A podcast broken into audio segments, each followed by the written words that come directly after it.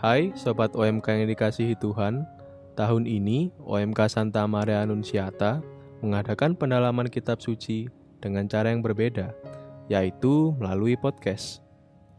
Podcast ini diharapkan mampu menuntun teman-teman untuk melaksanakan doa pendalaman kitab suci secara pribadi maupun keluarga, karena berkumpul masih belum dianjurkan.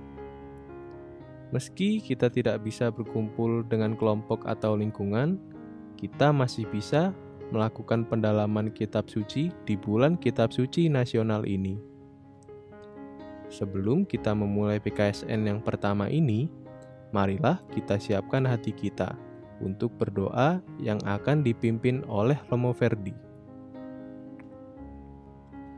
Dalam nama Bapa dan Putra dan Roh Kudus. Amin. Amin. Ya Allah, Engkau telah mengajar hati umatmu dengan penerangan roh kudus. Berilah supaya berkat roh yang kudus ini, kami senantiasa berpikir benar, bertindak bijaksana, serta selalu bergembira karena penghiburannya. Semoga perjumpaan kami dengan sabdamu pada kesempatan ini mampu menguatkan semangat iman dan identitas kami sebagai putra dan putrimu Demi Kristus Tuhan kami. Amin. Amin. Sekarang kita akan membaca teks kitab suci. Untuk kali ini, perikop yang akan dibacakan oleh Romo Verdi diambil dari bacaan Injil hari Minggu ke-23, yaitu Injil Matius pasal 18 ayat ke-15 sampai ke-20. Injil Matius bab 18 ayat 15 sampai 20. Apabila saudaramu berbuat dosa, tegurlah dia di bawah empat mata. Jika ia mendengarkan nasihatmu, engkau telah mendapatnya kembali. Jika ia tidak mendengarkan engkau, bawalah seorang atau dua orang lagi, supaya atas keterangan dua atau tiga orang saksi, perkara itu tidak disangsikan.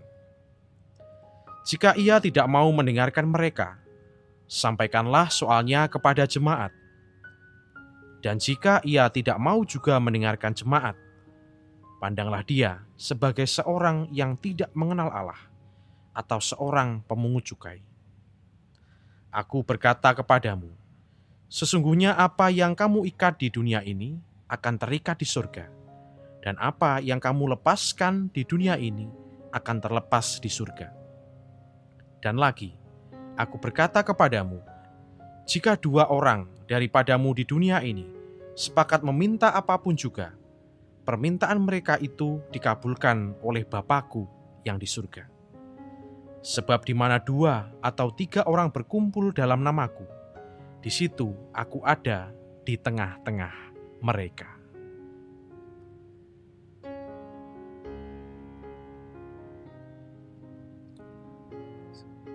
Setelah kita mendengarkan bacaan kitab suci, sekarang mari kita membaca satu kali lagi di dalam hati, sembari kita berusaha menemukan kata atau kalimat singkat yang menggugah dan menyentuh hati kita.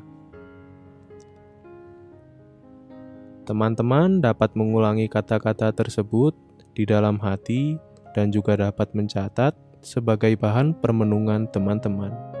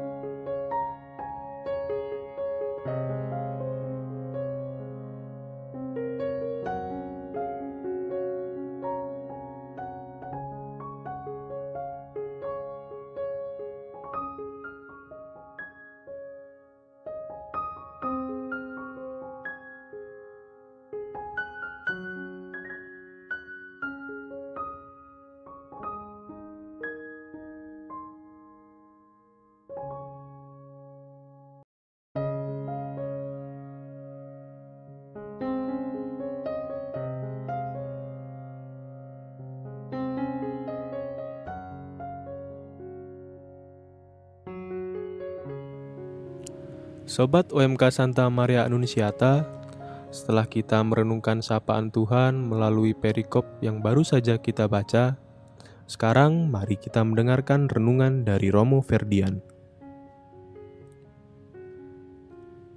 Teman-teman UMK, di mana pun kamu berada, kita patut bersyukur karena bersama-sama dengan seluruh umat pada bulan ini kita memiliki kesempatan untuk kembali merenungkan hidup kita melalui kitab suci, di mana di situ kita dapat semakin mengenal Kristus, jalan kebenaran dan kehidupan. Kita membaca Injil dalam pertemuan PKSN yang pertama ini, di mana Injil itu sendiri adalah suatu kabar gembira di mana Allah menyapa kita melalui Yesus. Artinya kita mendapatkan kabar gembira, kabar baik yang menjadi panggilan hidup kita. Dan dalam Injil itu kita selalu menemukan bagaimana hidup Yesus, bagaimana cara bertindak, dan bagaimana Yesus mengambil pilihan-pilihan sikap. Sebagai seorang Katolik, itulah yang menjadi tuntunan hidup kita karena iman kita adalah iman mengikuti Kristus. Bagaimana setiap hari kita berusaha untuk menjadi lebih dekat, menjadi lebih intim, menjadikan Yesus sebagai bagian yang utama dalam hidup kita. Nah, teman-teman OMK yang dikasih oleh Tuhan di mana pun kamu mendengarkan podcast ini,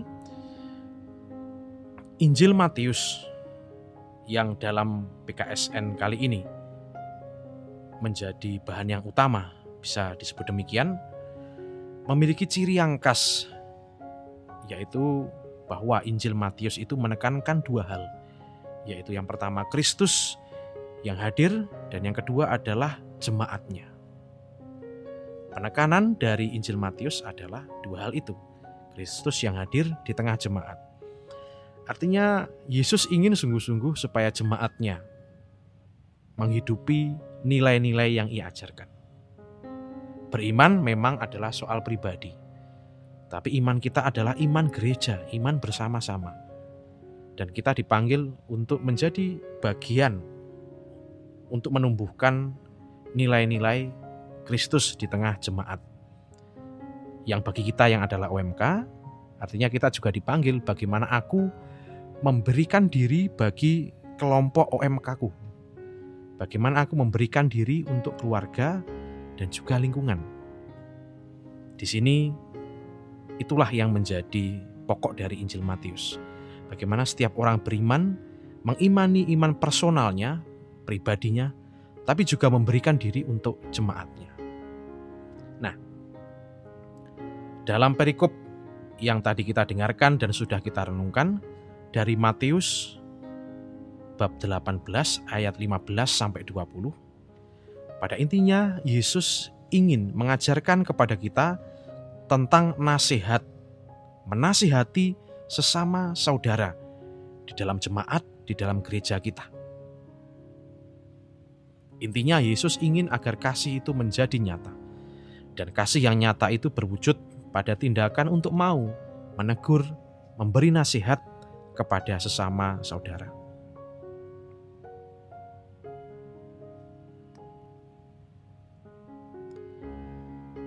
Teguran persaudaraan. Itulah yang menjadi panggilan hidup kita. Ketika kita menyatakan, "Aku mengasihimu, aku mencintaimu," itu artinya kita juga hendaknya mau. Kalau teman kita, sahabat kita sedang di jalan yang tidak benar, maka kita dipanggil untuk memberi teguran. Karena dengan menegur, seperti yang kita dengarkan dalam bacaan tadi, artinya kita menyelamatkan orang kita menyelamatkan sahabat kita. Dalam bacaan Injil tadi memang dikisahkan bagaimana menegur itu berulang-ulang. Awalnya dari empat mata.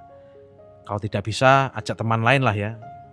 Atau kalau tidak bisa, diobrolkan bersama-sama di jemaat. Memang prosesnya berulang-ulang. Karena apa? Kita diminta untuk tidak capek, tidak jemu-jemu, untuk mencintai saudara kita yang artinya kita dipanggil untuk tidak jemu-jemu memperhatikan Dan jangan sampai keluar dari mulut kita, sudahlah aku tidak peduli.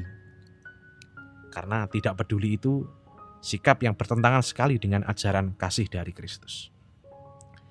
Dan mungkin kalau kita menegur ini pasti makan hati lah ya. Mungkin tidak diperhatikan, diacuh, atau sama sekali tidak mendapatkan respon yang baik. Tetapi hendaknya kita tidak kemudian terbawa emosi, tetapi aku mau menegur, menasihati, mendengarkan sesamaku karena aku ingin menyelamatkan dia dan tidak ingin dia sendirian. Maka di sini teman-teman semua, sebenarnya teman-teman ini dipanggil untuk menjadi penjala manusia. Artinya apa? Teman-teman ini juga dipanggil untuk perhatian menyelamatkan teman-teman lain yang kesepian, yang jauh dari cinta, yang jauh dari Kristus untuk kembali dan selamat. Teman-teman tentu tidak diutus menjadi seorang guru yang menggurui, tetapi kamu diutus menjadi sesama, sederajat, seimbang untuk mendengarkan dia, membuka hati kepadanya, sehingga temanmu itu bisa menemukan kembali makna sukacita dan bahagia karena memiliki seorang teman. Teman-teman OMK di mana pun kamu berada, semoga kita senantiasa memiliki hati yang terbuka bagi orang lain hati yang mau mendengarkan, hati yang mau menegur teman kita. Karena dengan demikianlah kita melaksanakan perintah Kristus untuk membawa orang-orang semakin dekat pada Dia. Oke, Yosep. Nah, mungkin kamu ada pertanyaan dari apa yang saya sampaikan tadi. Silakan. Ya, Romo. Menurut Matius 18 ayat 18, Aku berkata kepadamu, sesungguhnya apa yang kamu ikat di dunia ini akan terikat di surga, dan apa yang kamu lepaskan di dunia ini akan terlepas di surga. Apakah yang dimaksud di Injil ini adalah barang di dunia, atau apa, Romo? Oke, dalam Matius bab 18 ayat 18 ini ini sebenarnya juga mau menekankan tentang doa. Khususnya doa jemaat. Kalau tadi kita lebih dalam merenungkan itu ya. Di sini kalau kita mau menyelamatkan saudara kita itu tidak terlepas dari doa. Nasihat mendengarkan itu baik, tetapi doa adalah kekuatan untuk membawa orang kembali pada Tuhan. Dan ketika Yesus mengatakan, "Sesungguhnya apa yang kamu ikat di dunia ini akan terikat di surga, dan apa yang kamu lepaskan di dunia ini akan terlepas," ini juga berkaitan dengan doa. Kalau kita mendoakan orang supaya ia diampuni, dosanya dilepaskan, maka Tuhan juga akan mendengarkan doa kita. Karena doa kita adalah doa yang baik. Tetapi di sisi lain, kalau kita ini terbiasa untuk katakanlah memohonkan sesuatu yang buruk, mendoakan sesuatu yang buruk, bisa jadi itu juga akan terlaksana. Nah, karena kita adalah satu saudara dalam Kristus, maka kita dipanggil untuk mendoakan segala hal yang baik kepada orang. Doa yang baik tentu akan membuahkan sesuatu yang baik. Dan itulah menjadi panggilan kita sebagai satu saudara di dalam Kristus. Mengapa bisa demikian? Karena Yesus juga pernah berpesan kepada para murid hal yang serupa. Bahwa para murid, para rasul, apabila ia mendoakan supaya dosa orang tetap ada, maka dosa itu tetap ada. Tetapi apabila para murid berdoa untuk melepaskan dosa orang, maka Tuhan juga akan mendengarkan doa itu. Dan itu juga berlaku bagi kita yang telah dibaptis. Di mana doa dan permohonan kita hendaknya menjadi cara kita untuk menolong orang. Doa yang baik, berbuah yang baik, dan kita juga akan menjadi sarana untuk menjadi berkat bagi orang lain. Maka ya kamu, Yosef, dan juga semuanya yang mendengarkan podcast ini, mari kita semua mengikatkan, mendoakan hal yang baik, supaya orang juga mendapatkan karunia atas doa-doa kita. setelah kita mendengarkan renungan dari Romo Ferdian, mari kita ungkapkan rasa syukur kita melalui doa syukur sebagai tanggapan atas sabda Tuhan yang telah kita renungkan bersama. Bapa, pancarkanlah sinar terang roh kudusmu kepada kami, sehingga kami mau menegur dan peduli terhadap sesama, serta mau bergerak keluar dari zona nyaman. Marilah kita mohon. Kabulkanlah doa kami ya Tuhan. Ya Bapa, kami mengucap syukur padamu karena Engkau telah menghadirkan kami ke dunia melalui kedua malaikat yang sangat mencintai dan menyayangi kami. Bapa, tuntunlah kedua orang tua kami dalam jalan kasih-Mu, dan berilah rahmat kesehatan agar mereka bisa menjalankan aktivitas seperti biasa. Marilah kita mohon. Kabulkanlah doa kami ya Tuhan. Kami persilahkan untuk teman-teman yang akan menyampaikan doanya.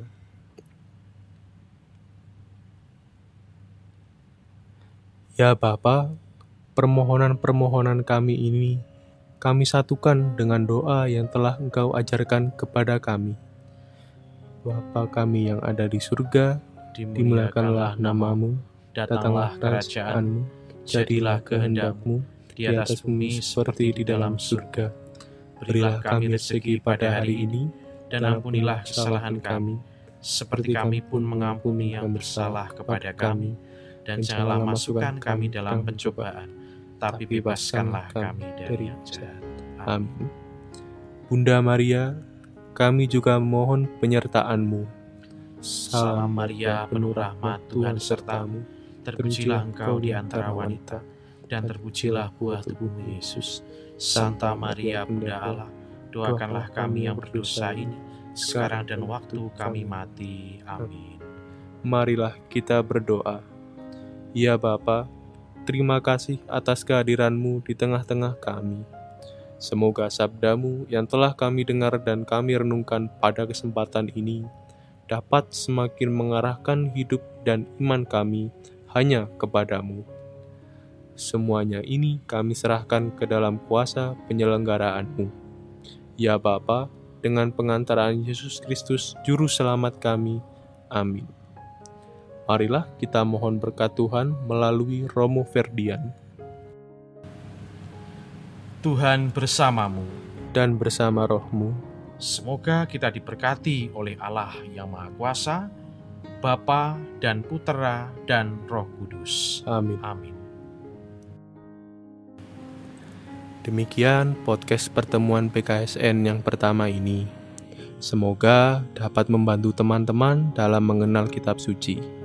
Tuhan memberkati kita semua.